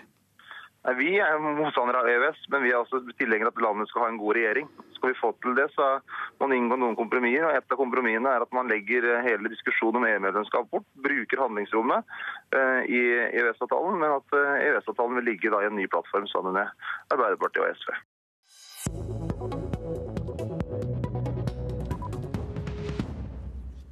Det blir svært ulønnsomt å bygge dobbeltspor til Skien, Halden og Lillehammer. Ja, det er konklusjonen i en rapport som Samferdselsdepartementet og Finansdepartementet har bestilt. Togentusiast og samferdselspolitisk talsmann i SV, Hallgeir Langeland, hva betyr denne rapporten for den videre utbyggingen av jernbanen på Østlandet? Den betyr veldig lite. og Jeg er veldig enig med NHO, som støtter SV, at vi må ha full intercityutbygging, og vi må ha utbygging òg i andre storbyområder. Jeg sjøl bor jo på Jæren. Der har vi hatt dobbeltsporutbygging. Det har ført til en enorm trafikkvest på toget. Og dermed flytter du veksten på vei over på tog. Og det er det klimaforliket på Stortinget forlanger, at vi skal ha altså eh, veksten på kollektivtransport i storbyområdene.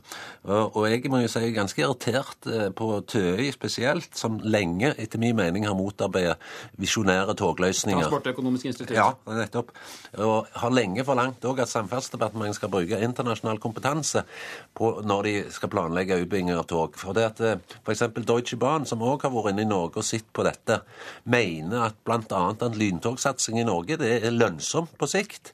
En må bare bruke litt andre eh, regnestykker enn det som TØI bruker, som egentlig da ikke ønsker togsatsing. Du lurer jo av og til på om de som forsker på dette på Tøy og regne på dette på Tøy, om de har ståplass på NSB i dag. Samferdselspolitisk talsmann i Fremskrittspartiet, Bård Hoksrud, du er jo også for å bygge ut dette intercitytriangelet. Nå er vi vant til at jernbaneprosjekter utredes og utredes og utredes før det eventuelt bygges. Er denne rapporten noe som kan bidra til nye utsettelser og nye forsinkelser av et prosjekt, prosjekt som nær sagt hele Stortinget står bak? Nei, jeg tror vi skal være veldig glad for at det er veldig kort tid til Nasjonal transportplan kommer, og det har vært et så breit politisk enighet om at man skal bygge ut full intercity. Men det er klart at denne rapporten er bestilt av Finansdepartementet, og vi ser kalkulasjonsrenter, en del av de forutsetningene som Transportøkonomisk institutt og Dovre Group har lagt til grunn, er altså dessverre de kalkulasjonsrenter og andre ting som Hallgeir Langeland og hans regjering har vedtatt at skal være der. Derfor blir dette ulønnsomt. Mens hvis man hadde f.eks. sett på renta, som de legger til grunn 4% hvis man hadde gjort som det vi låner ut av andre land, 2% så hadde det jo blitt dobbelt så lønnsomt i forhold til kalkulasjonsrentene. Så her er det masse som eh, man legger til grunn, som er forutsetninger som ikke er reelle i forhold til hvordan virkelig verden er ute. Ja, jeg er enig i det at en bruker regnestykker som jeg mener er kortsiktige. Det, en bruker andre regnestykker utenlands. Og hvis en går til fjellandet Sveits, så reiser altså fire ganger mer eh, folk med tog i Sveits fordi at en har et veldig godt togtilbud. Og Det er det som er målsettingen i Norge òg, og som da et bredt eh, klimaforlik på Stortinget stiller seg bak, unntatt Fremskrittspartiet. altså Det at en faktisk skal redusere klimagassutslippene i storbyområdene, og da må en flytte transporten fra veiene og over på, på toget.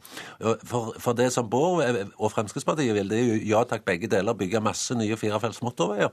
Det har stortingsflertallet i klimaforliket sagt nei til, fordi at en skal ha ned klimagassutslipp. Ja, Dere er jo da enige om dette intercitytriangelet, men så over til noe dere ikke er enige om, og du ga stikkordet Langeland, veier. Om et drøyt halvår er det valg. Hva er viktigst for Fremskrittspartiet hvis dere skulle da komme i regjering? Bedre veier eller mer satsing på jernbane? Det er faktisk begge deler. Altså hele... Som Ole Brumm, ja takk. begge nei, deler. Ja, nei, men Dette handla ikke om Ole Brumm, men det handla faktisk om å se på infrastruktur. Altså Vei og jernbane er viktig. Og det er altså forskjell i distrikter og en del steder hvor ikke det går jernbane. Ja, der må vi satse skikkelig på veien. Men vi må også ha et godt eh, transporttilbud på jernbane. Og det er jo det hele poenget med intercitytriangelet. Det vil være viktig for å regionsforstørre, sørge for altså at man kan bo lenger unna hovedstadsområdet og pendle inn. Og firefelts motorveier i tillegg. Og definitivt firefelts motorveier i tillegg. Det har vi både kjempebehov for, og det handler om å redusere trafikkulykker. Og det er viktig for framkommeligheten til folk i Norge. Ja, det er jo det som er problemet for Fremskrittspartiet. Det er Ole Brumm-politikken. Det var jo SV beskyldt for tidligere. Men her er det jo helt tydelig at en ikke klarer å prioritere. Men et bredt flertall stiller seg bak SV i forhold til at en skal ta, ta veksten i, i, transporten kollektivt i storbyområdene, og da kan en ikke bygge begge deler. Da må en si, si, til seg sjøl at eh, her må vi, skal vi redusere klimagassutslippene, da må vi satse på toget, da må vi satse på banen. Og det er det stortingsflertallet stiller seg bak, i, i, og stikk i strid med det som Tøye sier. Og så må vi minne Fremskrittspartiet om at de, i to, fram til 2008 så var Fremskrittspartiet mot toget fordi de så på det som et kollektivistisk, sosialistisk prosjekt som ville ødelegge for privatbilismen. Nå sier de ja til at begge deler, det er bra, men de burde som andre partier prioritere det som reduserer klimagassutslippene. Ja, men poenget er at når man ser på rapporten, jeg er helt enig, den sier at dette ikke har klimaeffekten som Hallgeir Langeland er opptatt av. Og de sier også at man bør redusere farta. Det er, det er, at man også bør se på fartsgrense, altså redusere topphastigheten fra 250 til ned mot 200 km i timen. Det har vi vært enige hele tida, fordi det betyr at i det øyeblikket du går over 250 km i timen, så koster det mye mer penger å bygge. Og det er jo hele poenget her, at vi, vi, må se hvordan bruker vi pengene. Og ja, Fremskrittspartiet har ment at det er viktig å ha jernbane der hvor det er kundegrunnlag og personer til det. Og så må vi satse og bygge ut veinettet også. Det er Langeland bare å stikke huet litt på utsida av Oslo eller litt på utsida av Stavanger, så skjønner man at det er et kjempebehov for ordentlig gode eh, og moderne, effektive veier, som firefelts motorvei på E39 uh, fra Kristiansand og Langeland, er det ikke riktig det han nå sier, at i, i dette lange og grisgrendte landet så er vi helt nødt for å ha veier? Ellers vil jo ikke folk i utkantene komme frem? Åpenbart så må vi ha veier, og vi må satse på veier i distriktene. Vi må satse på rassikring, vi må satse på veivedlikehold der. Men så må en spørre seg sjøl hva skal en gjøre i storbyområdene? Hva skal en gjøre, sier stortingsflertallet med SV i spissen. En skal ta veksten på transportsida kollektivt. Og da kan en ikke legge opp til flere motorveier i sentrale strøk. Da må en flytte transporten over på, på, på toget, sånn som SV ønsker. Og, og Fremskrittspartiet sin, sin, politikk på dette området den henger ikke på greip, for at de skal bare ha ja takk. Alt, mer av alt. Og det fører, det fører til, det fører til at en ikke prioriterer kollektivtransport. Hvis dere da kommer i, i regjering, må ikke dere også ta inn over dere de økonomiske realitetene og faktisk prioritere vekk noe? Hva prioriterer du da vekk? Firefelts motorvei? Motorvei på Østlandet eller jernbane. Men jeg syns det er veldig interessant, den debatten. Men da er det altså greit å se. Vi bruker i år 200 milliarder kroner på investering i Nordsjøen. I år. På samferdsel bruker vi 36 milliarder kroner. Det er kjempebra å bruke det i Nordsjøen. Men vi bruker altså 36 milliarder på vei, jernbane og sjøtransport og lufttransport i Norge. Det kan vi jo øke i hvert fall til det dobbelte uten at det kommer til å få konsekvenser for norsk innlandsøkonomi. Derfor har vi råd til, og vi er nødt til, å ha flere tanker i huet på en gang. Vi er nødt til å bygge ut motorveier på E18, på E39, på E6. Vi er nødt til å bygge ut intercitytriangelet. Og vi holder jo på å bygge ut en del av dette her også. Så det er jo ikke så skremmende som noen prøver å framstille det som at dette er noen forferdelige greier. Andre land gjør det. Altså, Irland har brukt 300 milliarder kroner på en sjuårsperiode på å bygge ut infrastrukturen sin. Vi bruker altså 36 milliarder. Det er jo peanøtter når vi ser hva vi bruker i Nordsjøen, og hva andre land satser på infrastrukturbygging. Jeg tror jeg Bård Hoksrud har lest uttalelsen fra SV sitt landsstyre om knyttet opp mot uh, satsing på jernbane. For vi ønsker oss 25 milliarder i år i satsing på jernbane, altså da 250 milliarder på ti år. Og, uh, og, det som da skjer i Nordsjøen, det er helt riktig. Der har han en voldsom pengebruk på 200 milliarder i år, altså 2000 milliarder på ti år. Så det er jo småpenger hvis en tenker det opp mot tog. Eh, men det som er realiteten, det er altså vi må ha en politikk for land, altså i distrikt der må vi satse på veiene, for der er de helt avhengig av bilen. Og så må vi altså sørge for at flere reiser kollektivt jo, i Oslo-området. Og da, da, er det sånn som, som situasjonen er i Oslo i dag. Der er det altså for, for få togsett som gjør at folk har ståplass og, og, og ikke uh, føler seg komfortable med å ta toget. Og det er der jeg på en måte, for å hetse litt til Transportøkonomisk ja. institutt altså, Jeg har et inntrykk av at de frykter at det skal komme enda mer passasjerer på toget i sentrale strøk. Transportøkonomisk institutt, dere har altså sittet med makta i åtte år, og togene står bokstavelig talt. Hvorfor har dere ikke fått til mer? Det er helt riktig. Hadde SV hatt 50% så skulle vi fått til veldig mye mer på tog. Så det er de andre partiene som er skylda, altså? Jeg sier her og nå at eh, det er klart at jeg skulle ønske meg at en større støtte for SV sin togpolitikk blant de andre partiene i regjeringen. Ta, du må ta ansvar for det du har gjort i åtte år. og Det er deres, det er deres feil at ikke vi har kommet lenger på jernbanesatsinga, og ikke minst på veisatsinga, som burde vært mye mer. Åpenbart så er det sånn at vi ikke har fått til den togsatsinga som SV har ønska seg. Men det skal vi stå på nå for. Nå legger vi fram ny nasjonal transportplan, og da får vi se hva gjennomslag SV har. Men tog er viktig for sentrale strøk. Men ser det dårlig ut for at du skal få gjennomslag, Langland, så jeg tror vi trenger en ny regjering i 2013. Ja, men hvorfor, hvor, hvorfor, skal vi tro at eh, dere skal få til mer, eh, Hoksrud? Jo, fordi det er vilje på borgerlig side til å bruke mye mer penger på å investere i infrastruktur, både på vei og jernbane, i motsetning til den rød-grønne regjeringen som nå sitter i åtte år. Ja, både innenfor handlingsregelen og se på nye måter å gjøre det på med selskaper, offentlig-privat samarbeid osv., som gjør at du kan bruke mye mer penger på infrastrukturbygging. Ja, De får nok snakke med Høyre i, i Fremskrittspartiet, da, for de har en annen holdning her. Jeg mener det viktigst for oss er å ivareta klima, og da må vi ja. satse på toget. Og Da må jeg si takk til dere, Hallgeir Langeland og Bård Hoksrud. Og det var Politisk kvarter med Per Arne Bjerke her i studio.